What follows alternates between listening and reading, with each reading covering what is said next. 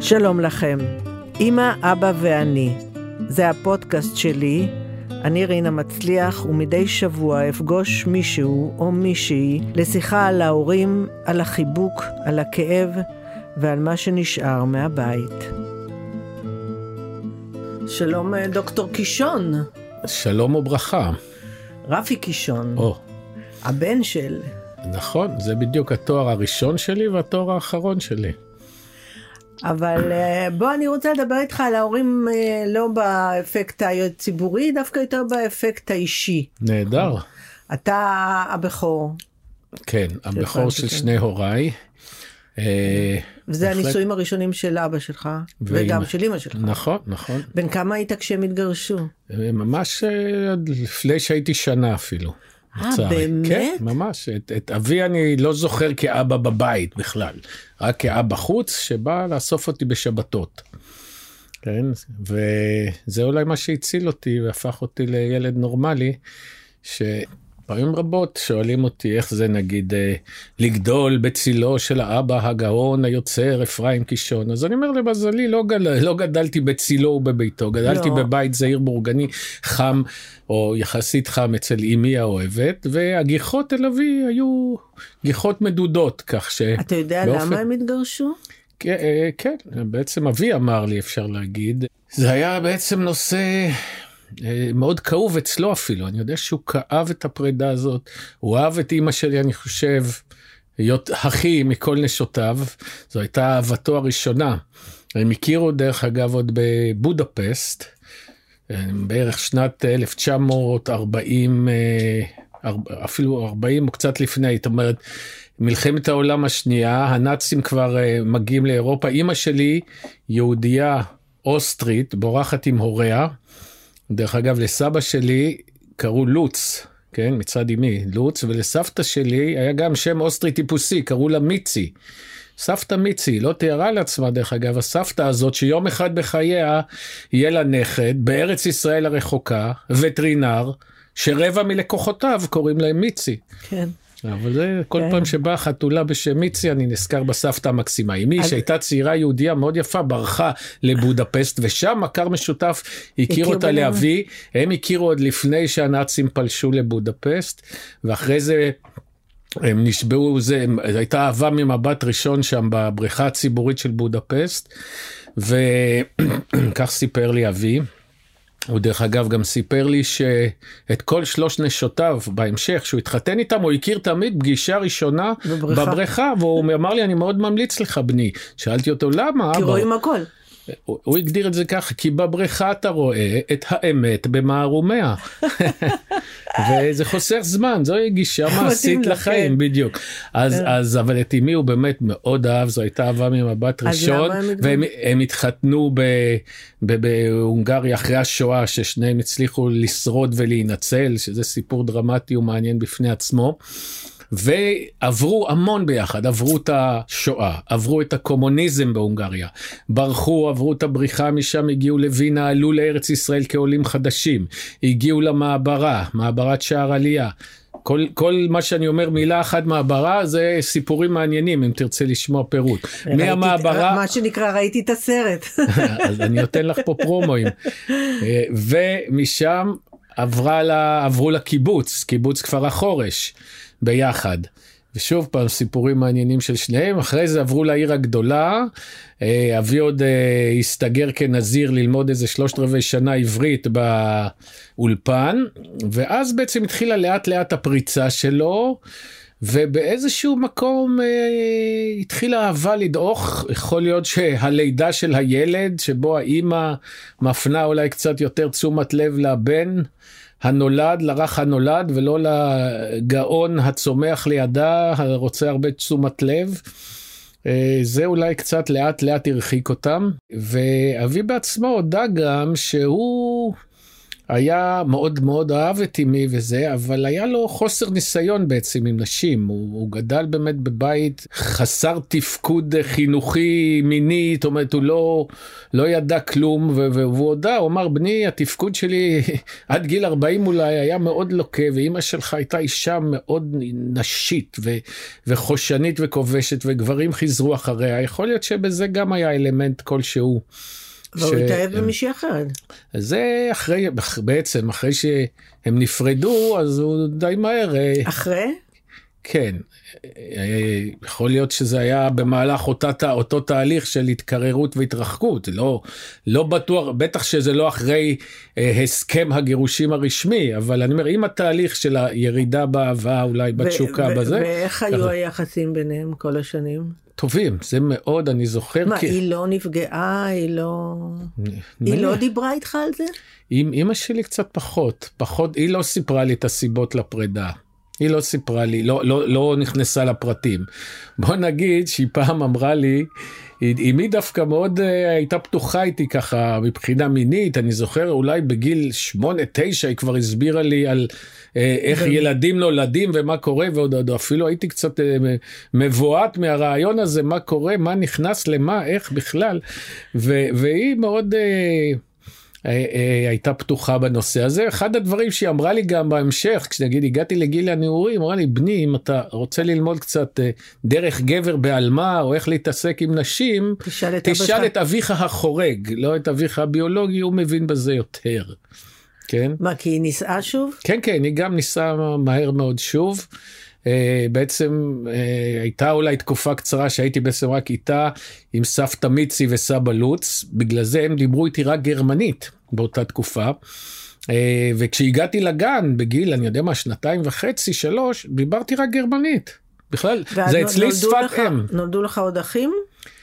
לא מאותה אבא ואימא. לא. אה, מאותה אימא ואבא חורג, כן, יש לי אח אחד, אודי, עודד, שאיתו אני בקשר מצוין, שיש לו גם שתי בנות, ומאבי ואשתו השנייה, הלוא היא שרה, נולדו אמיר ורננה, הם הג'ינג'ים הידועים מהסיפורים של אבא שלי, שאיתם אני גם בקשר מצוין, ואנחנו עובדים ומטפחים את זכויות היוצרים של אבי, אפרים קישון וכך הלאה.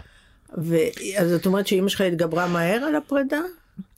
Uh, תראי, היא לא הראתה לי את הכאב והמצוקה, אני מניח שלא היה לה קל. בת אבל... כמה, בן כמה הייתה כשהיא התחתנה שוב? זה בערך uh, יכול להיות uh, שנתיים, אני לא, זה קשה לי להגיד, שנתיים. מה, תוך שנה היא התחתנה שוב? אולי ש... בגיל שלוש, אני לא, לא יכול להגיד לא לך בדיוק. ואתה היית ביחסים טובים עם האבא החורג? אז זהו, היה לי קצת קשיים איתו. הוא היה אדם קפדן ונוגדן, קודם כל הוא היה גם ממוצא הונגרי. הוא היה מאוד קפדן בהרבה דברים ולא לא כל כך אהבתי אותו למרות שהיו לו צדדים כיפים מזה שהוא היה מאוד אה, ספורטיבי למשל, אז, אז, אז שהיינו יוצאים לטיולים וקמפינג שעשינו הרבה, אז היה כיף איתו, כי הוא היה איש מס והיה מקים אוהל והיינו עושים זה והולכים לדוג ודברים שהייתי, ש, שנגיד אבי היה פחות טוב בהם כאיש שדה מחנאות וקמפינג, כן? או ממנו גם למדתי, הוא היה מתאמן בבית, היה איזה ספר כזה של חיל האוויר הקנדי והוא הראה לי איזה תרגילים. אחד הדברים אה, שעדיין גופי הוא כמו פסל יווני, קצת מכוסה בהררי שומן, אבל בבסיס יש לי איזה, איזה, איזה בסיס שרירי מסוים סתם, כן? אז, אז זה שם שהתחלתי כבר בילדות, כשזה לא היה נפוץ, אה, להתאמן, להתאמן בבית, אני זוכר ממש את הספר הזה. איך זה אז ש... זה, זה הדברים החיוביים. השליליים שהוא היה מאוד קפדן נוגדן, וזה קצת הרגיז אותי, כי ידעתי שיש לי אבא משלי, אז מה הוא בא ואומר לי מה לעשות? ואימא שלי נתנה לו יד חופשית, היא לא, לא אה, אמרה, זה הבן שלי, אל תתעסק איתה. אה, כן, נתנה כן. לו? היה לי כעס עליה גם, שהיא... שהיא בעצם אה, לא כל כך הגנה עליי. אבל, אבל דווקא נגיד שהייתי מתלונן לאבא שלי, שמה הוא אמר לי, הוא עשה זה, אז הוא, הוא לא היה מתערב. הוא היה איכשהו, אם את חושב על זה, דיפלומטית לא התערב, אף פעם לא דיבר נגד אימא שלי, אלא רק דברים טובים עליה. גם היא בעצם לא לכלכה עליו אף פעם, וכמו שהתחלת, ששאלת בהתחלה, כשהייתי קטן ואבי היה בא לאסוף אותי בשבתות עם הרכב שלו, אז הוא היה נכנס אלינו הביתה, כן? היה נכנס אלינו הביתה, מדבר עם אמא שלי, לפעמים אפילו עם... בהונגרית. וגם עם ה... יואל, יואל, כן, עם יואל לפעמים, אם אני חושב על זה, היה מנסה אולי להתרחק מהסיטואציה, או, אבל כן, הוא לא, נגיד שהיה אירועים כמו הבר מצווה של אחי, או דברים כאלה, אז, אז יואל ואימא שלי היו שם. זאת אומרת, הוא שמר איתה כן. על קשר טוב, ואני זוכר שכשהוא נכנס ודיבר עם אימא שלי, זה היה בעיניי תמיד איזה יופי לראות את אימא שלי ואבא שלי ביחד, אף פעם לא ראיתי אותם, מדהים, רק אה? בסיטואציות האלה, כמובן, יש מצ... איזושהי כמיהה. אתה מספר לי סיפור עצוב בצחוק. כי את יודעת, כילד קטן אתה לא מודע לדברים האלה. אבל, זה, ב, ב, אבל, ב, אבל ב, היה לך קשה כילד כאילו. הקטע, מה היה לי למשל קשה, של להיות אז בן להורים גרושים, זה היה סטיגמה שלילית אפילו, כי זה לא היה קיים. אבל גם. אני חושב בכל בית הספר שלי, לא פרדס ברמת גן. לא הכי אהבת את האבא החורג. זה, זה באמת ואת היה... ואת אבא שלך היית רואה רק בשבת. נכון, נכון, אבל קודם כל תמיד ידעתי שיש לי את האבא שלי, ואבא חורג הוא אבא חורג, אז גם אם אני לא אוהב אותו, הוא לא לא אבא שלי, אבל uh, את אימא שלי מאוד אהבתי, הייתה אישה חמה, אוהבת, דואגת. Uh, uh, היא הייתה באמת, uh, כאילו מבחינתי, לה? כשאני חושב על היחסים שלי עם אימא שלי, אין לי ספק שפרויד היה גאון, כן? כל מה שהוא אמר, אני חותם עליו, כן? היא באמת... אתה דומה לה? ב, ב, כן, אני, אני באיזשהו מקום רואה את עצמי כשילוב בין אבי ואימי, גם במראה הגופני, דרך אגב, וכמובן גם בקריירה בהמשך. היום אני למשל, מה שאני עושה היום, זה בדיוק ההגשמה של שני ההורים שלי. הלכתי להיות וטרינר, אמא שלי הייתה מיקרוביולוגית ומנהלת מעבדה בקופת חולים. אז כל הצד המדעי, הביולוגי, זה, הכלבים שהיו לנו בבית, זה מאימא שלי. והיום אני מתפרנס גם בהופעות ההומור שלי על אבי, אפרים קישון. כן, ההומור, הבידור והסרטים, שאיתם אני מופיע בכל הארץ, בחוגי בית, ועד זה. האמת, אני אוהב מאוד את השילוב, איך אני תמיד אומר, בבוקר במרפאה, כמו עכשיו גם, שבאתי אלייך לפני כן, אני עובד במרפאה עם החיות, ובערב אני יוצא להופעות, זה מה שנקרא הופעות חיות. את מבינה, אבל השילוב הזה, כי תגיד, בשנים האחרונות נכנסתי לנושא של ההומור, לקטע של לעמוד מול קהל, וכש... לגרום לו לצחוק, זה סוג של, של, של סם, זה סם ש... ש וכשאבא ש... שלך התחתן והוליד ילדים ואחרים, איך הרגשת עם זה? זה היה לי קשה, שלחו אותי לפסיכולוגית אפילו, אני זוכר, כי לפחות עד גיל חמש וחצי, עת נולד אמיר, אחי הראשון, ואחרי זה בגיל שש עוד אחד, עד גיל הזה הייתי לפחות שחקן יחיד במגרש, כן, הייתי... בן יחיד לאמי ובעלה החורג, וגם לאבי ושרה עוד לא היו ילדים, ושרה כאימא חורגת, הייתה אימא חורגת מצוינת, מאוד אהבה אותי, והיה לה כיף איתי, ועשינו דברים ביחד. ואימא שלך לא קנאה? לא, כי את יודעת, שרה הייתי חצי יום שם, אפילו לא אה. הייתי ישן שם, הייתי מגיע בשבת אה, לא בצהריים וחוזר בערב, mm. כמעט שלא. בהמשך הייתי אולי פה ושם של, אחרי זה טיולים, היחסים הלכו והתהדקו יותר ויותר עם השנים. אבל אה, שרה, אני תמיד הרגשתי שבאיזשהו מקום היא, מאוד רואה את יחסינו, הייתי ממש סחבק איתה לפעמים יותר מהילדים שלה. הילדים שלה תמיד התלוננו, שרה מעדיפה להיות איתך, בטח ובטח ללכת לאירועים חברתיים וכך הלאה כשהיינו מבוגרים יותר, כי היינו באותו ראש, אוהבים mingling ודברים כאלה, ולא ללכת לכל מיני, היינו, היינו בקשרים מאוד טובים ואני תמיד אומר היא מאוד uh, זכרה לזכותי את העובדה שהיא לא הייתה צריכה את כל ההשפלה הזאת של למשוך אותי בהיריון תשעה חודשים, ללדת אותי, להעניק אותי, להחליף חיתולים. באתי ילד מוכן, קומפלט, עם בגדים, מדבר, צוחק ושר, נמאס ממנו, שולחים אותו חזרה לאמא. אמא שלך האריכה ימים? כן, אמא שלי מכולם האריכה ימים בעצם. אה, כן, היא הגיעה לגיל 92.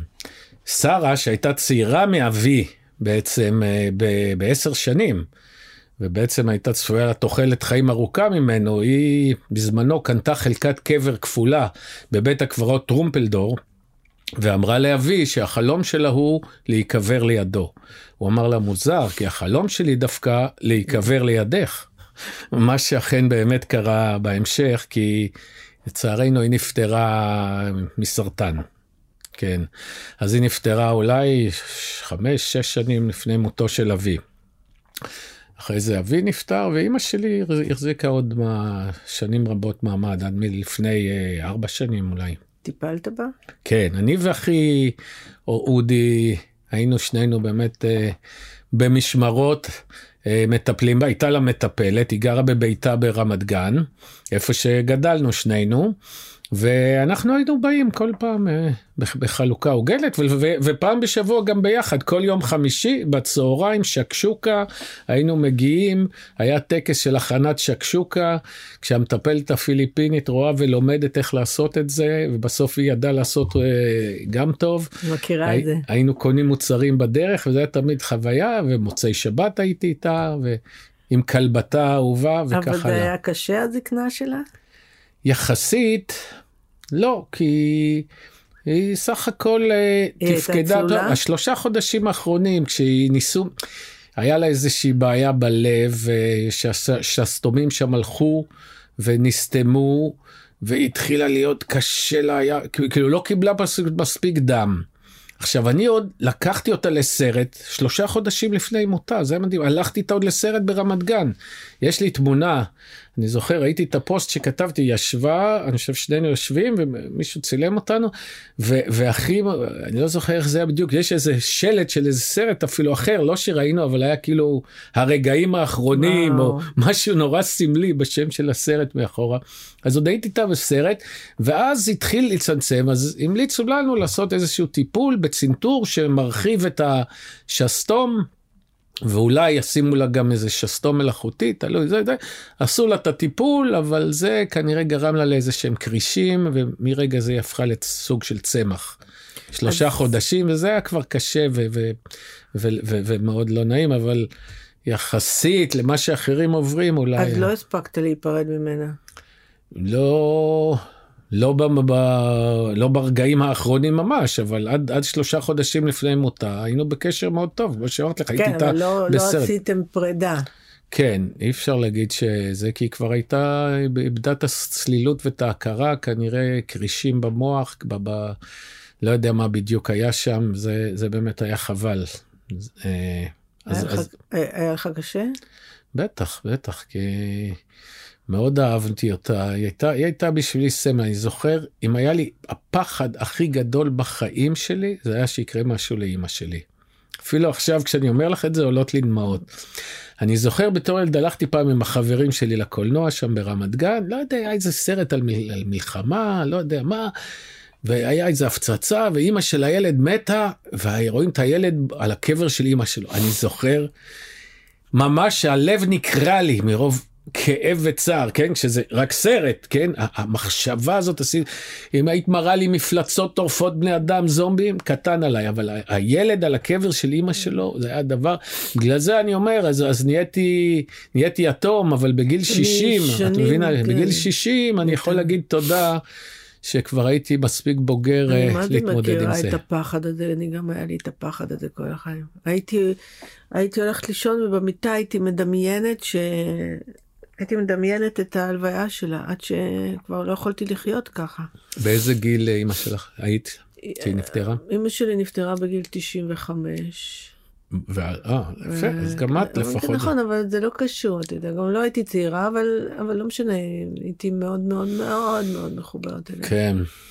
כן גם, אני גם חושבת שמי שלא מקים משפחה מעצמו, הוא נשאר תמיד הבן של, אז התפקיד שלי להיות הבת של אימא שלי, זה היה התפקיד שלי בחיים. כן.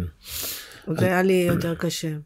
זהו, אמי גם הייתה ידועה כאישה נורא טובה, עדינה, חייכנית, אהובה על כל, על כל האנשים. והיא כן? הייתה, והיא נתנה יחס שווה לשניכם, לשני אחים? כן, כן, לא, היא כן. האבא גם יותר השתדל בכל זאת זה היה הבן תראי מה שהיה לי איזה תהליך הזדככות מת, דווקא הוא, הוא מת לפניה הוא, הוא גם מת. למרות שהיה צעיר ממנה גם באיזה שמונה שנים הוא מת לפניה גם מסרטן. כן אה, ו, ואני זוכר אבל באמת אמרת לך כמה שהיה לי קצת כעסים עליו שהוא היה קצת קשוח אפילו לפעמים אלים קצת לא לא אגיד שבאופן סיסטמטי זה, אבל החטיף לי לפעמים. החטיף? כן, כמה פעמים, נגיד. זה לא, קשה ש... כן, לקבל החטפה פעם ברחתי מהבית דרך המרפסת, אתה יודע, בית דו-קומתי כזה, ככה, היו לי איתו זה, ואז אה, כשהוא, דווקא כשהוא עצמו היה חולה כבר, אה, התחיל להיות חולה, אחי בדיוק היה בחו"ל, לטיול ארוך, ואז אמא שלי אה. קוראת, תשמע, יואל התמוטט, ואני מגיע, ואני רואה אותו שוכב על הרצפה, לא מסוגל לקום. כן? לא איבד הכרה או משהו, אבל חולשה כללית, ואני כמו תינוק צריך להרים אותו לידיים, לשים אותו במיטה, ממש בכיתי. כי אני זכרתי שהוא היה מחזיק ככה את היד שלו באוויר, ואני הייתי מתנדנד עליה. אתה מבין איזה כוח צריך? כן. לא נשען, מחזיק. הוא היה חזק פיזית, אדם פיזי חזק. ולראות אותו ככה חסר ישע. גם כבר לפני כן היה לי תהליך של, אפשר להגיד, בגיל 18-20, התחלתי להבין, האיש הזה לא סתם ניצול שואה, הוא בגיל 14 או 13-14 איבד את הוריו, זאת אומרת, הוריו נלקחו בשואה, הוא ברח לרחובות, חי בהישרדות איומה בהונגריה הנאצית, כשהוא כמעט נהרג כמה פעמים על ידי הנאצים, חי ברחובות, איבד את משפחתו. כן?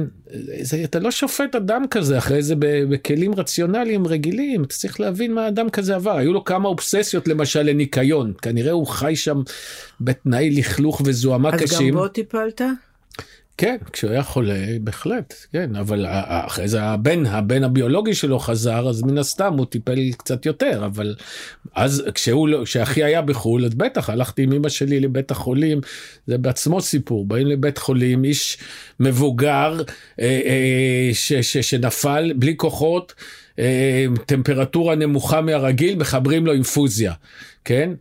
ועכשיו זה יום קיץ, המזגן עובד למעלה, אינפוזיה קרה, אני אומר להם, חבר'ה, כדאי אינפוזיה, אני רופא, כן, אמנם חיות, אבל כדאי אינפוזיה מחוממת. אה, נכון, זורקים את האינפוזיה, מביאים אינפוזיה מחוממת. אני אומר, תשמעו, האיש הזה לא אכל 24 שעות, כדאי אולי קצת סוכר לתת לו וזה. אה, נכון, נביא אינפוזיה עם סוכר, זורקים, שמים וואו. אינפוזיה עם סוכר. אני אומר, רגע, אבל גם האינפוזיה עם סוכר, כדאי שיהיה מחוממת. אה, נכון, זורקים וואו. את זה. זה פרטאצ'יה, את מבינה? כל הדברים הקטנים האלה. אבל בטח, הייתי שם וטיפלתי.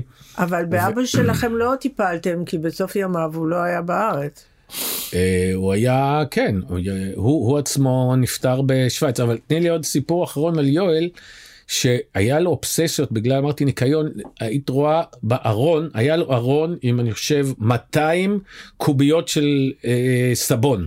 באמת? סבון. סבון כזה לוקס אני זוכר או אני יודע מה היה זנפות הוא היה צריך שהארון יהיה מלא בסבון שהספיק ל-20 שנה.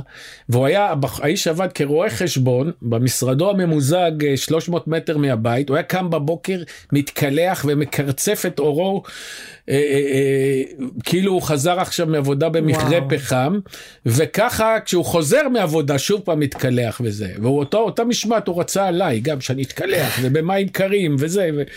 זה היה הכל קצת בסוף הדבר הבנתי שהוא סך הכל הוא חשב שזה נכון וזה הוא לא היה כזה רע או משהו כזה זה, לכן זה לא משהו מאוד דרמטי. אבל אבי... כאילו חיית יותר איתו מאשר עם אבא שלך. נכון, בטח, בבית.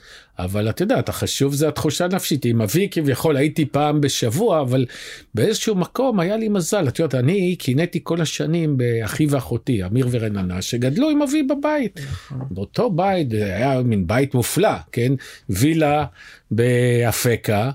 כן, שאבי ושרה בנו. שתי אני, קומות. אני, אני עוד ג, ג, ג, גרתי עם אבי עוד ברחוב הלסינקי, שהוא ידוע כי אבי כתב סיפור מקסים בשם הלסינק פורס, מציע לכל הצופים אה, לגגל ולקרוא את הסיפור הזה. את מכירה את סיפור לא. הלסינק פורס? שהוא מחפש את הרחוב הזה הלסינג אה. פורס הלסינג פורס מישהו אומר לו הוא צריך להגיע אליו לפגישה נורא דחופה הוא מציע לו משהו מאוד חשוב אומר הלסינג פורס אני כבר מגיע. אה, מתחיל ללכת אומר מה, מה איך היה הרחוב? איזה שם מוזר. לא זוכר הוא מצלצל אליו עוד פעם סליחה שכח את השם הלסינג פורס אין בעיה. נכנס למונית זורק לו הלסינג פורס אין בעיה נוסע נהג מונית אומר לו רגע שכחתי את השם המסובך הזה איך זה אבי לא זוכר, מה אני אעשה? מצלצל להוא עוד פעם, ההוא כבר עצבני, הלסינג פורס, אמרתי הלסינג פורס. ואז הוא מנסה לשנן את זה, אומר הלסינקי זה בירה של מדינה נורדית, פורס זה כמו פור ארבע, וזה הנה אני זוכר, ואז הוא מנסה את זה, ועוד פעם שוכח, הוא אומר רגע, עשיתי זיכרון, בירה של מדינה, זה אוסלו, ואחרי זה היה איזה מספר חמש, אוסלוג פינף, אוסלוג פינף מצוין. זה קטע יוצא מן הכלל, יש את זה כן. כמערכונים מדוברים, שמוליק כן. סגל אני חושב, ואפילו אולי גם אה, שייקי אופיר עושים את זה, זה קלאסיקה. יש דף של חובבי קישון ומעריצי קישון ומומחי קישון בפייסבוק, הם קוראים לדף, דף שלהם, לא קשור אלינו, הם קוראים לו בין הלסינג פורס לפרטצ'יה. זה אז רגע, אז מתי ממש התחברת לאבא שלך? אז אני אומר, אז, אז אני קינאתי? באחים שלי, שהבית שלו, הווילה, והיה שם למטה בילי, שול, מרתף ביליארד, ומרתף פינג פונג, וכדורגל כזה, את יודעת, אה, אבל לא יכולת שמשחקים. ללכת לשם מתי שאתה רוצה. בגיל הזה לא. אז הייתי בשבתות, אז היה שבתות של כיף, ואחרי זה הייתי משחק שם עם האחים שלי וזה, אבל בהמשך התברר לי שאני זכיתי באיזשהו מקום לשנים נפלאות, שאבי היה לו עוד המון זמן פנוי, ששחזרתי לאחור איזה דברים עשיתי עם אבי. אז גיליתי שבאמת זכיתי, בדיוק אתן לך דוגמה, בדיוק רי, אה, אה, הוקלטתי לאיזה פרויקט של עיריית רמת גן, הם שמים כל מיני ספסלים עם איזה סי- סיפור בעיר. אז הם שאלו אותי "מה- הקשר שלי לרמת גן, ואמרתי להם הנה בבקשה. אז סיפרתי להם אה, על זה שאבי קודם כל היה הולך איתי, אוסף אותי מהבית ברמת גן, נוסעים לגן הקופים ברמת גן. מכירה את המקום הזה? נוסע, זה היה מין גן חיות חמוד כזה, הוא היה מצלם אותי שם מצלמת השמונה מילימטר שלו. וכן, מי שראה את זה לא ידע שיום אחד הצלם אבא החביב הזה, הוא יעשה סרטים שיהיו מועמדים לאוסקר פעמיים, שלוש גלובוס זהב וכך הלאה. ואחרי זה יום אחד, אה, כשהייתי, ב... הוא היה עורך גם את הסרטים האלה, לא רק מצלם, אלא עורך את זה אחרי זה בבית, ככה הוא למד לעשות קולנוע, התאמן עליי בהתחלה ואחרי זה על האחים. ואז פעם, אני לא זוכר מי, כנראה הוא יזם את זה, שידע שיש לי יום הולדת, כיתה ג' או ד', ג' אולי או ד', אני חושב ג' אפילו אם אני זוכר, זה היה בצריפים בבית ספר פרדס, הוא הציע שהוא יבוא ויקרין את הסרט לילדי הכיתה. במצלמה מקרנת שמונה עם זה. עכשיו תביני, היום החבר'ה הצעירים שומעים, נו, big deal, הקרין סרט. צריך להבין שזה, אז להקרין סרט בכיתה זה היה כאילו לעוף לחלל, אני לא יודע מה, זה היה חוויה, לא היו דברים כאלה. לא היה טלוויזיות, לא היו מסכים, לא היה כלום. תגיד, אבל הוא היה... ו- והוא הלך והשקיע ובא וזה ולכיתה והקרין ודברים כאלה. הוא היה אבל אבא מחבק, מנשק. פיזית הוא, אה, לא קיצוני כל כך, לא, הוא בא מאסכולה האירופאית ועוד ניצול שואה וזה, דווקא אני אפשר להגיד אילפתי אותו במובן זה שבכל יחסינו הבוגרים תמיד היינו באים, אני חיבוק ונשיקה על הלחי כזה, כן, זה היה איתי ככה, עם, לא בטוח שעם האחים שלי, אבל איתי הרגלתי אותו שזה הנוהל, ואני חושב שזה היה נעים לו בסופו של דבר, אבל, אבל הוא כן, הוא כן מאוד אה, היה ברור לי כל ילדותי כמה הוא אוהב אותי, כמה אני חשוב לו, כמה אני יקר. היה לי ברור שהוא לא בקיא בפרטים הקטנים, באיזה כיתה אני. אם הוא ידע באיזה כיתה אני פלוס מינוס שנתיים, אה, זה בסדר, ידע שאני בית ספר יסודי. לא. אבל כשגדלת- בטח הוא, בטח הוא לא שאל איך היה המבחן בתנ"ך אתמול וככה. אבל הוא ליווה אותי מלמעלה, או כל הקריירה שלי כלימוד וטרינריה, הוא שם היה, עזר לי, וגם שרה דרך אגב, שהיא הייתה מוציאה לפועל, היא הייתה אישה מאוד מעשית, שהסיסמתה הייתה never take no as an answer, הייתה משיגה כל דבר. אבי דרך אגב כותב עליה גם שמה שהוא אהב אצלה מיד על התחלה, היא מסוגלת לה, לה, להשיג כרטיסים למופע, שאזלו כל הכרטיסים אליו, שרה תשיג לך כרטיס. תגיד, ואיך קיבלתם את זה שהוא עזב את הארץ? הוא לא עזב את הארץ. לא? הוא עזב את הארץ כמו שעוז זהבי עזב את הארץ, כמו שטופול עזב את הארץ, כמו שגל גדות עזבה את הארץ, זה אנשים עם הצלחה בינלאומית חסרת תקדים, לא, אני שיצאו לעבוד. מתכוונת לזה שהוא עלה, לא היה פה איתכם. אז הוא היה, למה למה לא היה? אני- קודם כל הייתי נפגש איתו יותר, כי אני בדיוק אז למדתי בגרמניה, אה, אז. היו לנו מפגשים משפחתיים נפלאים בשוויץ דווקא. ואיך הייתה אשתו. השלישית? אשתו השלישית, ליסה, שעליה אבי אמר שהוא דוחה בתוקף את הפייק ניוז שהתקשורת מפיצה, שאשתו השלישית בגיל של הבן שלו, הוא אמר זה לא נכון בכלל. בגיל שלך הכוונה. כן, זה בכלל לא נכון, היא מבוגרת מהבן שלי בחודשיים. וזה כבר היה נכון, כן.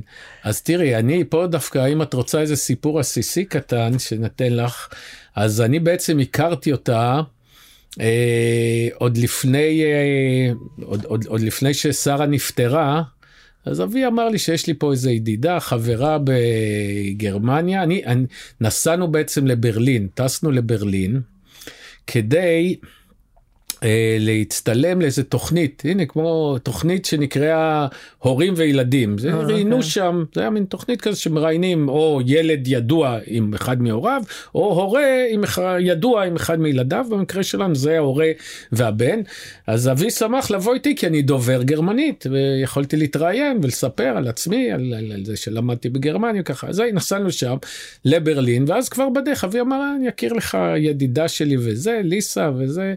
ידידה שעובדת איתי, אני כבר חשבתי אז שאולי הקשר הוא לא רק ידידותי אינטלקטואלי, אבל שם הכרתי אותה כאילו פעם ראשונה, ויצרנו קשר טוב, כי היא הייתה אישה מאוד נחמדה, אינטלקטואלית. דוקטור ל, לספרות או מוזיקה וסופרת. ידידה גם. כן. לא מאיים. גם אם לא הייתה ידידה זה לא היה מפריע לי כי הוא לא בוגד באימא שלי כן זה להפך. ו- מה להפך? לא להפך אולי אני מרגיש טוב שאני איש סודו את מבינה אה. כן ויכולתי לדבר איתה גרמנית אז דווקא היה לנו קשר טוב ואז וזה סיפרת לאחים שלך? לא, אה, לא. לא סיפרתי להם כי חשבתי שאולי זה ילחיץ אותם אחרי ששרה נפטרה ואז הוא אמר שהיא בעצם עכשיו בת זוגו ו- ו- ולאט לאט ויום אחד הוא הודיע דווקא במפתיע זה גם אותי הוא הפתיע בזה שהוא התחתן איתה בעצם. כן שזה היה אולי שנה לפני מותו אני חושב או שנה וחצי הוא הודיע לנו שהוא התחתן שהם נשואים. האחים שלי היו מאוד בשוק מזה. אה, אני פחות אמרתי אם זה טוב לו ושוב זה לא שהוא הודיע לנו עכשיו שהוא התחתן עם איזה בימבו רקדנית אה, בטן באיזה אבל מועדון. למה הם היו בלחץ בגלל הירושה? באופן כללי ג- גם כאב להם אולי שכל המורשת של אימא שלהם ו- והזה ופתאום הוא הולך וכן אבל יכול להיות שהיה פה גם דאגה כזאת כלשהי. אבל יכול להיות שגם בגלל זה הוא התחתן איתה. אבל... יכול להיות שזה היה חשוב לו לתת לה את התחושת ביטחון. היא בכל מקרה הייתה אה, ללא ילדים, אה, זאת אומרת, להם לא היו ילדים וגם גם לה לא היו, אז, אה, אז אה, זאת אומרת, זה שיהיו להם ילדים זה לא היה אישיו כל כך, אה, כי היא הייתה כבר מבוגרת והוא גם בטח היה מבוגר. אבל אה, זה היה מעניין שהוא כן, הוא התחתן איתה באמת. זה אתה, ואני זה בעצם אתה. פגשתי אותו פעם אחרונה, חצי, אולי ארבעה חודשים לפני מותו, חמישה חודשים, הוא היה פה בארץ ביום הולדת, יום הולדת 80, היה איזה אירוע וטקס ופה, והקריאו ודיברו, ו... וזהו, וזה הצילומים האחרונים שיש לי איתו, ואז הוא כדרכו היה נוסע ל... אירופה וחוזר לארץ כל פעם לביקורים.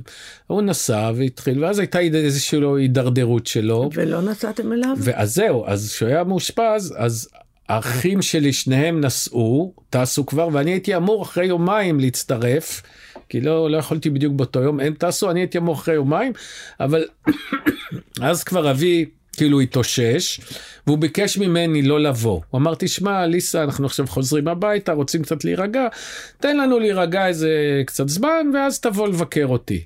זה היה הדיבור, וזהו, זה לא קרה. בסוף פתאום וואו. היה כל הסיפור גם איך נודע לי מותו, זה יצא במקרה מוזר, כי הבן שלי, אייל, במקרה, הלך לעשות סקי בחרמון. ו... אה, איזה יום, בבוקר הוא הלך לעשות וטראח התרסק שם על הסלעים, שעבר יד, פינו אותו לבית חולים זיו. ואז אחרי כמה ימים אני אוסף את אייל מבית החולים, סך הכל לא היה פציעה נוראית, שבר יד, היה בסדר, התאושש. הבאתי אותו הביתה, כבר אז הייתי פרוד מאימא שלו, אבל הבאתי אותו הביתה, קילחתי אותו, שמתי אותו במיטה לישון וזה. ואני חוזר אליי הביתה ואז לקראת חצות אני שומע קול מייבב של אישי רפי רפי ומשום מה זה היה נדמה לי שזה הקול של אשתי לשעבר וחשבתי שקרה לאייל משהו וואו. בשנייה הראשונה ואז מתברר שזה ליסה מספרת לי ש, שאבי נפטר אה, ואחרי זה דיברתי גם עם צילה שהייתה מזכירתו האישית שהיא גם הייתה שם בשוויץ נוכחת מתברר שהוא נכנס למקלחת. ודווקא ליסה שמרה שם מבחוץ או זה ואז היא שמעה בום נפילה היא נכנסה ראתה אותו יושב כזה על הרצפה היא אמרה לו מה קרה מה קרה הוא אמר כלום רק התיישבתי רגע לנוח וזהו ראשו צנח וואו. ניסתה לעשות לו החייאה זה לא עזר כבר. מילים מילים מאוד סמליות את יודעת רק התיישבתי רגע לנוח האיש עבד עד יומו האחרון כל היום יצר יצר והיה חשוב לו להמשיך ולעשות דברים. וואי, כמה אז- היה לך קשה אז שלא זה- היית שם. אז זהו, אז אה, את יודעת, באיזשהו מקום דווקא שמחתי שלא ראיתי אותו, הוא בשבילי נשאר תמיד בדמיון או במראה האב הגדול, החזק, החכם, הצלול, את מבינה? אף פעם לא ראיתי אותו בהידרדרות שלו. שזה תמיד קשה לראות את, הדמות. בעיניי הוא תמיד נשאר אותו אבא אה, חזק ש, שדמותו מלווה אותי ונותנת לי גם כוח ותעצומות. לא ראיתי אותו מידרדר אף פעם. הוא דרך אגב, אחד הפחדים הגדולים שלו בחיים הייתה ההידרדרות הזאת של הזקנה. הוא אומר, זה הכי מפחיד אותי שהמוח שלי במיוחד יפסיק לתפקד, או שאני לא אוכל לקום ללכת. לפחות זה נמנע ממנו, אפשר לומר. אז רגע, האחים שלך היו שם? האחים שלי לא, לא היו. הם לא היו, הם כבר חזרו? כן, כן, זה היה אחרי שהם... זאת אומרת, אף אחד מכם לא היה על ידו בעצם. כן, רק ליסה ו... ומזכירתו הנאמנה שבמקרה הייתה שם, היו לידו. וזהו, אחרי זה גופתו הוצא פה לארץ. אני מיד צלצלתי, קודם כל לאחים שלי. והוא באמת נקבר על יד שרה? כן, כן, שם הוא, אכן, ליד שרה, ולא רחוק מאריק איינשטיין, ששניהם נפגשו בסאלח שבתי, כן, כשאבי התסריטאי והבמאי והוא השחקן, הם לא חשבו יום אחד שהם ישכבו איזה 30 מטר זה מזה. נכון. ואני מיד הודעתי לאחים שלי, לשני אחים שלי, וכמובן למשפחתי, ילדיי, אשתי. אתה אה, הודעת לאחים? אני הודעתי, כי ליסה צלצלה אליי. אליך. ואני כן. מיד הודעתי, ואחרי זה, הבא בתור, הודעתי לטומי לפיד. וואו, והוא אמר לי, רפי, שברת את ליבי. כן, הוא באמת, הם, הייתה חברות מאוד בכית? קרובה ביניהם. כן, כן, הייתי, גם בכיתי, בטח. היה לי מאוד עצוב, ו, וגם uh, באיזשהו מקום, אבל אני חייב להודות שאמרתי, אוי ויי, איזה תיק נפל עליי עכשיו, איזה צרות יהיו עכשיו, ירושות, עניינים, רכוש, דברים, בתים, משפטים, אני לא יודע מה. כבר היה, כי אבי לפני מותו, בעצם, אה, כאילו, עוד כשהוא היה אז בארץ, הוא קרא ואמר לי, בני, אני רוצה שאתה תירש את הבית הזה פה באפקה, כן? שימי לב לזה, הבית שבעצם לא גדלתי בו, שאתה תירש אותו כמו שהוא על כל תכולתו. זה היה דרך אגב הפרינציפ שלו בכלל בירושות, אני מוריש בית על כל תכולתו, מה שבפנים הכל, כדי שלא יתחילו מריבות. לא, זה המאפרה שאימא הבטיחה לי, זה הגרטל שסבתא אה, נשבעה לתת לי. כל מה שבבית באותו רגע, כולל מכוניות בחצר, שלך. וככה גם האחים, דרך אגב, בבתים אחרים. אחרי כמה ימים הוא אמר לי, בני, אני חשבתי שתשמח קצת יותר, אתה יודע. אמרתי לו, בני, אבא, אתה לא מתאר לך כמה אני שמח, אבל אני, אני קצת חושש שתהיה פה איזה תסבוכת משפחתית אולי מזה, ולא, לא, הכל מסודר, חילקתי את כל הרכוש בצורה שווה וזה. מסתבר שחוכמתי הייתה אולי קצת יותר גדולה וכן ראיתי את הנולד. כי כן פרץ איזה סכסוך משפטי קל, אבל פתרנו אותו אחרי זה בינינו די מהר, באיזשהו compromise שעשינו וכך הלאה. מה, אתה חושב שהוא העדיף אותך על האחים שלך? אה, באיזשהו מקום הוא אהב אותי מאוד. אה, אני, אני מרגיש על, מכמה סיבות. קודם כל, את יודעת, ילד ראשון, זה כבר איזשהו פלא ונס.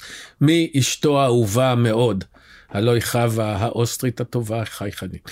ב', בגלל, היה איזה תהליך פסיכולוגי כנראה, בגלל שאני הייתי ילד חוץ, אבא היה אבא גרוש, אז יחסי אליו היה יחס של חיזור מסוים, הוא לא היה אבא מובן מאליו. חיפשתי את קרבתו, אה, אה, שמחתי להיות בקרבתו. עכשיו, אני גם עוד מדור שקרא ספרים. בלי קשר לאבא שלי, הייתי גומר ספרייה שלמה ברמת גן, גמרתי את ספריית מעיין. אני חושב שבגיל 12 אה, כבר קראתי את מובי דיק, מבינה? ופנגה לבן, ויצירות אבות קרס וכל הקלאסיקות. אז בטח ובטח שאני אקרא את קישון, אחד היוצרים הישראלים המלבבים, השנונים, המצחיקים והנהדרים, כן?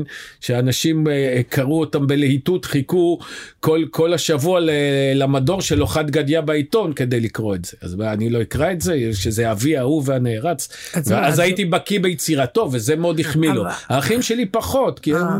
בשלהם הוא היה אבא יותר מובן מאליו, אני קצת חיזרתי, והאגו של האומן, היוצר, היה לו נעים. אז הוא הוריש לך יותר מאשר להם? בסך הכל כספית לא. אבל מבחינה זאת שאותו מבחינה בית שהוא רגשית, גם הבית רגשית הזה. כן כן תראי הוא, הוא, הוא גם האמין שמי שיוכל הכי טוב לקדם את ענייניו ואת uh, המסורת שלו ולהמשיך את, ה, את פועלו וזה זה יהיה בסופו של דבר אני למרות שזכויות היוצרים הם שווה בשווה בסופו של דבר הוא צדק הוא הרי לא היה מאמין לעולם אם הוא היה רואה אותי כבר שבע שנים בתיאטרון הקאמרי פעם בחודש מול אולם מלא קהל היית מתמוגג מת מצחוק. שהוא יראה אותך. אני הייתי מת, ממש, זה בשבילי, זה היה החלום הכי גדול, כי הוא לא היה מאמין.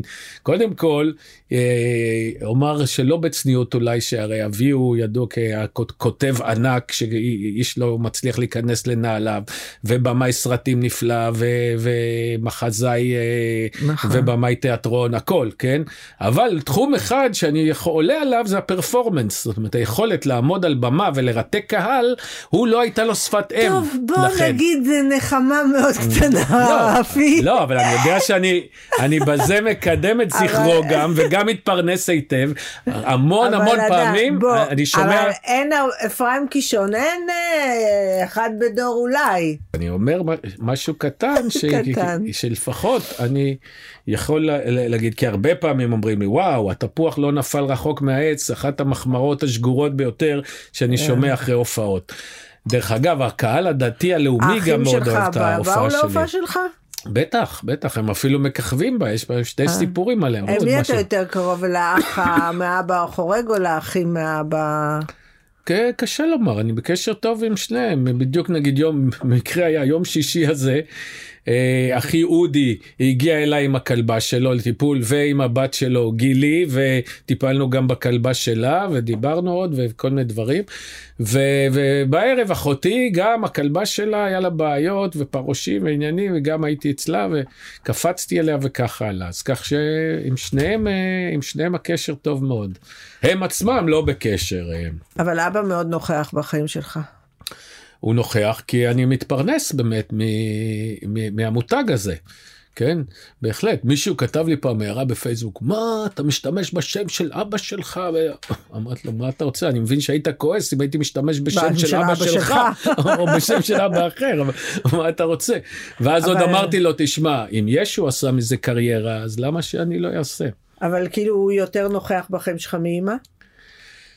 אה, אה, באופן מעשי כן כי אני מופיע ומספר את סיפור חייו אני אני כל היום מספר אה, לפעמים פעמיים ושלוש בשבוע מספר עליו ומספר עליו ולא לא רק שאני מספר וזה אלא אני פתאום היום אני גם כותב בפייסבוק למשל הרבה אז גם אם אני לא כותב על אבא שלי אלא סתם הרבה זה understatement. כן, אני מנסה לכתוב בהומור תמיד. המון.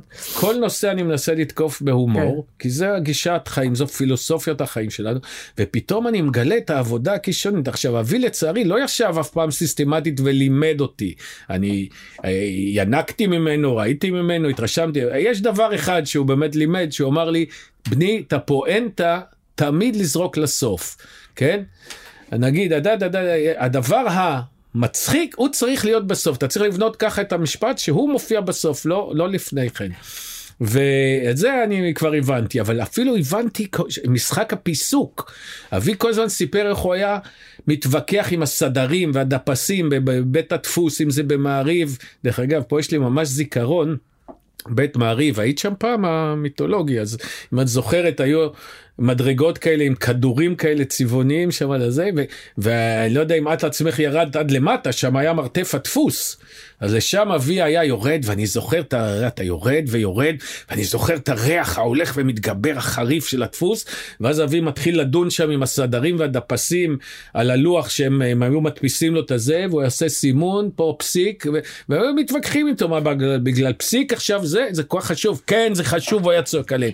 כי בכתיבה ההומוריסטית זה הכתיבה המושלמת מכל הכתיבות, לכתוב שורה של מילים שבסופה מישהו יצחק, זה קשה כשאול, וזה בנוי על דיוק מתמטי מוקפד לחלוטין, לכן הוא נאבק עם הסדרים והדפסים האלה שעות רבות, כדי שיקפידו ו... עד שזה לא יהיה מושלם. עכשיו, בטח המאזינים הצעירים שלנו לא מבינים על מה אני מדבר, אומרים רגע, אם היה טעות דפוס, עושים delete ומדפיסים. נכון. הם לא מבינים מה זה להחליף, זה- להחליף הדפסה פיזית של פעם שהיה לה רבע רפי, שעה אם להחליף היית כל יכול סימן. להגיד משהו עכשיו לאבא שלך, אם הוא שומע, מה היית אומר לו? אז הייתי מזמין אותו לראות את ההופעה על עצמו. הוא היה אומר, וואו, אני עצמי לא ידעתי שאני כזה מוצלח, כפי שהבן שלי. מה היית אומר לו, אבא.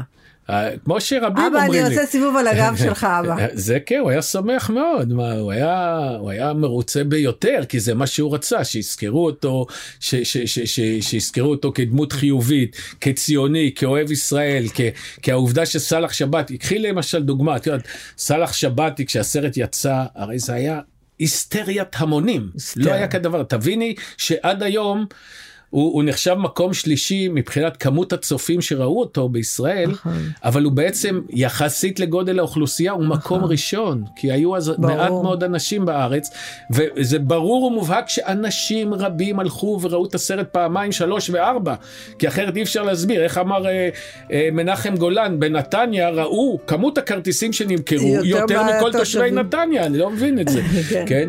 רפי קישון, היה לי ממש תענוג. הלך מהר, אה? היה ממש מעניין. כן. תודה רבה.